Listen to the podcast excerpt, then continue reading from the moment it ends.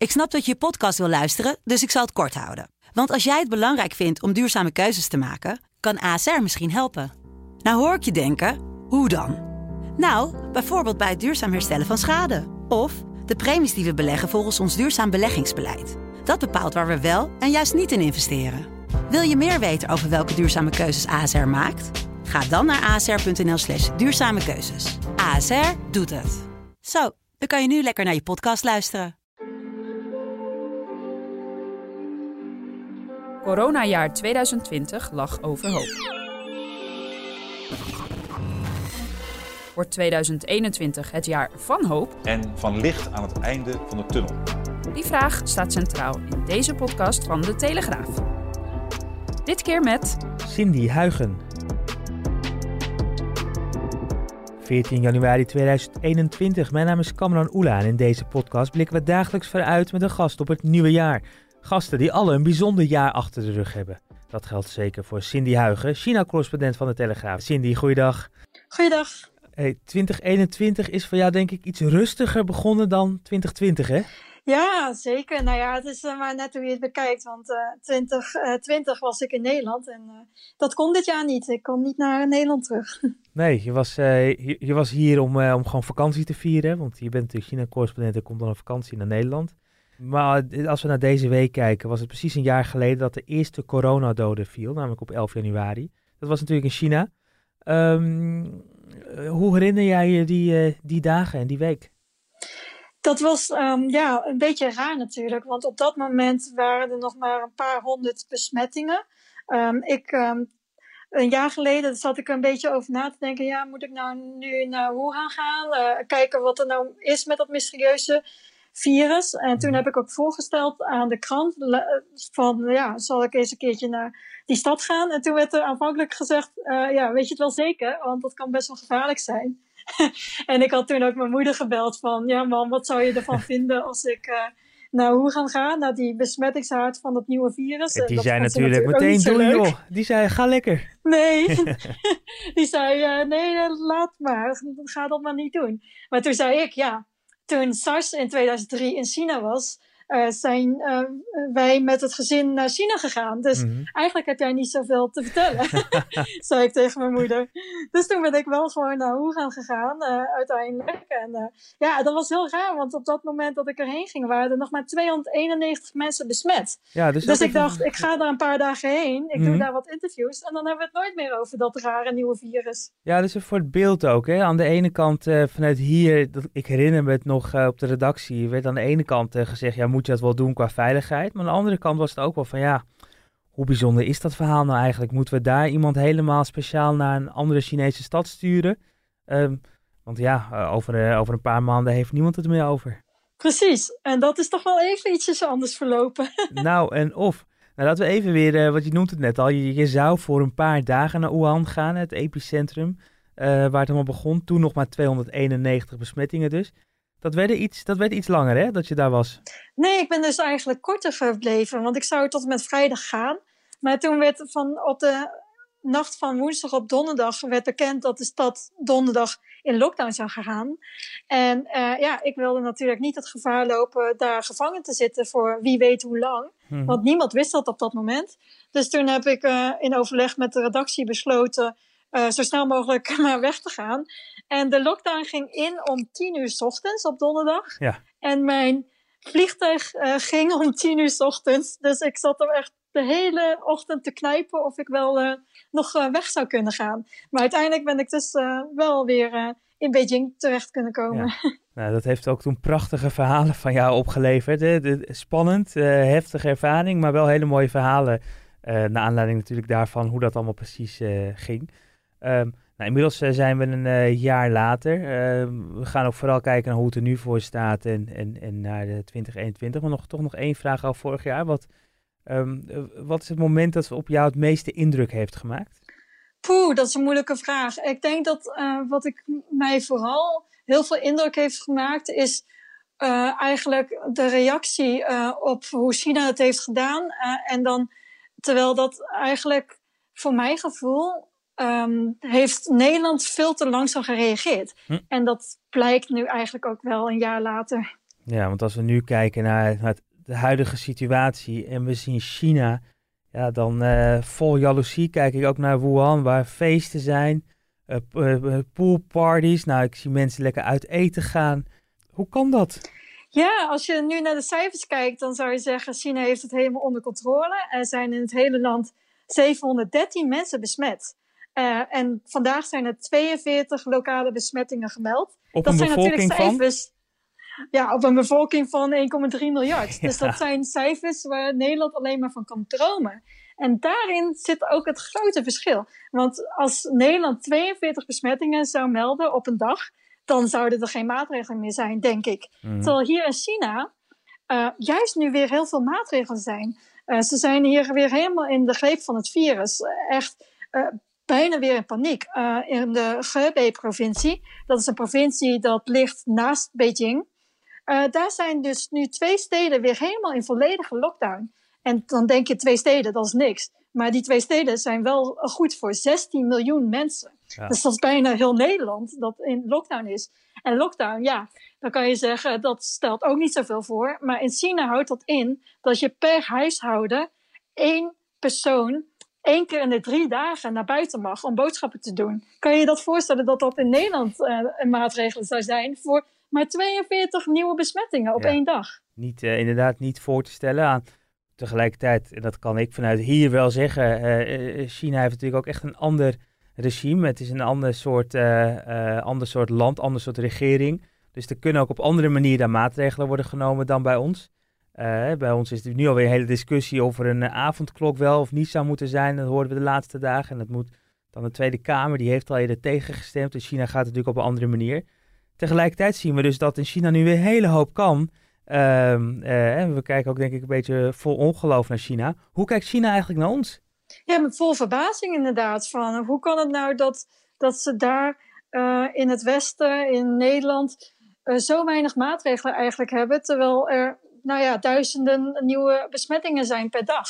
Um, en ja, in China kan er inderdaad weer heel veel. Ik uh, ben gewoon met nieuwjaarsavond uh, uit geweest, in een nachtclub geweest, vol met uh, andere mensen die het nieuwe jaar inluiden. ook met kerst kon ik gewoon kerstdiner vieren met twintig man. Mm -hmm. ja, als ik dat dan vergelijk met de verhalen die ik van mijn vrienden en familie uit Nederland krijg, dan is dat wel een heel groot verschil natuurlijk. Ja, maar nou, nou doordat doordat China dus bij elke, ja, maar een paar uh, nieuwe besmettingen zo, zoveel maatregelen weer uh, doorvoeren, uh, kan dat dus eigenlijk. En dat, dat is het grote verschil. En wij kijken hier, niet ik, de Chinezen en eigenlijk ook de Nederlanders die in China zitten, um, vol verbazing naar hoe, hoe weinig maatregelen er eigenlijk zijn in Nederland. Ja, dat is natuurlijk dan wel echt het grote verschil. Hè? En die verbazing dat ongeloof wat er bij ons is, dat we zien hoe jij gewoon weer kan feesten en met twintig man af kan spreken. Diezelfde verbazing en ongeloof is het dus de andere kant op. Um, maakt men zich in China overigens ook zorgen om al die uh, coronamutaties? We hebben natuurlijk de, Britse variant die in Nederland ook oprukt, de Zuid-Afrikaanse. Uh, de Japanse variant is het inmiddels. Is, is dat een zorg? Nou ja, er zijn niet heel veel zorgen over. Want uh, er is dus wel een geval opgedoken met het Britse mutatie. Maar die mensen die besmet daarmee zijn, eh, die zitten in quarantaine. Want eh, de enige manier hoe zo'n mutatie China binnenkomt, is doordat een reiziger eh, van het buitenland China inreist. En iedereen die China inreist, die moet gewoon 14 dagen in quarantaine. En dat is inmiddels zelfs in de meeste steden verlengd met zeven dagen. Dus de meeste mensen moeten 21 dagen in quarantaine. Mm dat is natuurlijk ook uh, heel anders dan, uh, dan bij, bij ons ook, hoe dat, uh, hoe dat gaat. Um, wat ongetwijfeld ook anders is, is dat vaccineren. Want dat is natuurlijk wat veel mensen toch een beetje hoop geeft. wij zijn nu ruim een week aan het vaccineren. Hoe is dat in China? Hier wordt al maanden gevaccineerd. Ja, tuurlijk, eerst, werd dat eerst werd dat gedaan met vaccins die eigenlijk nog niet helemaal 100% goedkeuring had gehad. Uh, maar de uh, regering had zoiets van, ja, noodprotocol. Uh, we beginnen gewoon met mensen die voor de staat werken. En dat zijn er in China natuurlijk miljoenen. Mm -hmm. en dan breiden we het steeds verder uit. Dus op een gegeven moment werd iedereen die voor zakenreis naar het buitenland moest... ook verplicht om zo'n ja, proefvaccin te nemen. Inmiddels zijn er wel twee vaccinaties ook echt officieel goedgekeurd. Mhm. Dus nu zie je dat uh, in China, uh, ja, willen ze in uh, twee weken tijd miljoenen mensen weer vaccineren. Ja. Dus dat is goed onderweg. En is dat vaccineren verplicht voor Chinezen? Dat is een moeilijke vraag, want op het moment kunnen ze het niet voor iedereen verplichten nog. Mm -hmm. Maar er is wel uh, voor Chinezen veel druk. Want als je voor een, voor een bepaald bedrijf werkt en jouw werkgever zegt jij moet uh, vaccineren, ja, niemand die zegt dan van nee, dat ga ik niet doen, ja. uiteraard. Maar uh, aan de andere kant, ik als buitenlander kan nog wel gewoon makkelijk zeggen, nou ja, uh, ik zie de noodzaak nog niet in van zo'n vaccin. Mm -hmm. Ook juist omdat er hier nauwelijks besmettingen zijn. Mm -hmm. Dus de kans dat ik besmet raak is ja, honderd keer lager dan als ik in Nederland zou uh, zitten Precies, op dit moment. Ja. Dus dan zou je ook nog kunnen denken, ja maar ik, ik hoef geen vaccin, ik laat het aan me voorbij gaan. Precies. Ja. Maar ja, ik kan me wel voorstellen dat zodra ik uh, weer naar Nederland zou willen gaan, dat, dat ik dan wel weer even ga denken, moet ik misschien wel zo'n vaccin? Want uh, ja. op dit moment zou ik niet graag in Nederland zitten. Nee. De vaccins bieden hoop. Ondertussen wordt natuurlijk ook hoopvol gekeken naar onderzoeken, wat we kunnen leren van deze hele crisis, wat we kunnen ook leren van dit virus. we spreken elkaar op de dag letterlijk dat het onderzoeksteam van de WHO in China, sterker nog in Wuhan, aankomt. Onder andere met de Nederlandse viroloog Marion Koopmans in de gelederen. Wat gaan ze eigenlijk daar precies doen? De details van die uh, missie zijn nog uh, niet zo bekend. Wat ik op dit moment weet is dat ze in ieder geval ja, krijgen ze dossiers van het ziekenhuis en ze krijgen toegang tot de markt waar de eerste um, besmettingen opdoken. Ja. Uh, en verder is daar nog heel uh, weinig duidelijk over. De Chinese autoriteiten doen er ook heel geheimzinnig over. Het uh, werd ook maanden uitgesteld en eigenlijk zouden de WHO-onderzoekers een week eerder al komen. Maar dat werd op het allerlaatste moment geweigerd. Uh, met vage redenen. Er zouden problemen zijn met het visum. En er zouden bepaalde protocollen nog niet afgerond zijn. En nu krijgen ze opeens wel weer toestemming. Dus ja, we weten het allemaal nog niet eigenlijk. Nee, het is wel opvallend dat ze nu dan wel opeens welkom zijn. Maar er is ook dus niet echt een bepaalde reden om te zeggen dat, waarom ze nu wel welkom zijn. Nou ja, dat is heel onduidelijk. Het lijkt er wel op dat China toch een beetje gezwicht is voor de internationale druk. Want de Wereldgezondheidsorganisatie heeft toen ook, toen die reis op het laatste moment werd geweigerd, uh, heeft het hoofd van de WHO wel echt ja, gezegd dat dat echt niet kan. En het is eigenlijk de eerste keer sinds de coronapandemie dat die topman zo fel was tegen de Chinese autoriteiten. Dus misschien wellicht dat uh, Peking daarvan geschrokken is. Ja, um, dat, zou, uh, dat zou in ieder geval kunnen. Maar wat we in ieder geval weten is dat het team dus uh, nu wel aan kan gaan komen en met het onderzoek kan gaan, gaan starten. Um, hoe, hoe, kijk je naar dit, dit jaar, Cindy? Ben je een beetje hoopvol gestemd? Nou ja, als we het hebben over mijn hoop voor dit jaar, is dat mijn hoop is echt dat ik dit jaar een keertje naar, naar Nederland kan komen. Ja. Want het is voor mij nu uh, meer dan een jaar geleden dat ik uh, in Nederland was. En dat is nog nooit zo lang geweest. Hmm. En um, wat mij hoopvol stemt, is in uh, Nederlandse media wordt er heel veel gesproken over we gaan nooit meer terug naar normaal en we gaan nooit meer terug naar drie zoenen en omhelzingen als begroetingen. En ik zie dat toch wel anders, want juist omdat China dus nu vrij, virusvrij is, zie je dat hier wel gewoon weer geknuffeld wordt. En uh, dat de Nederlanders ook elkaar drie zoenen geven.